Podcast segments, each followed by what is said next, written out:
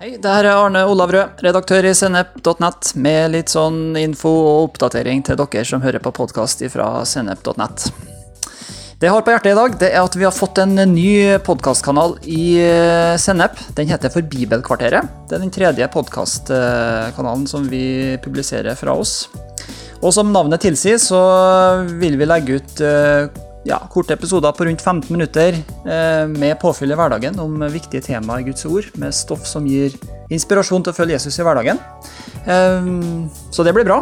Vi har allerede rukket å publisert noen eh, episoder, bl.a. en som heter 'Vekkelse i eget liv', som er laga av Rune Ørnes, storebroren til Kjartan i Alvorspraten.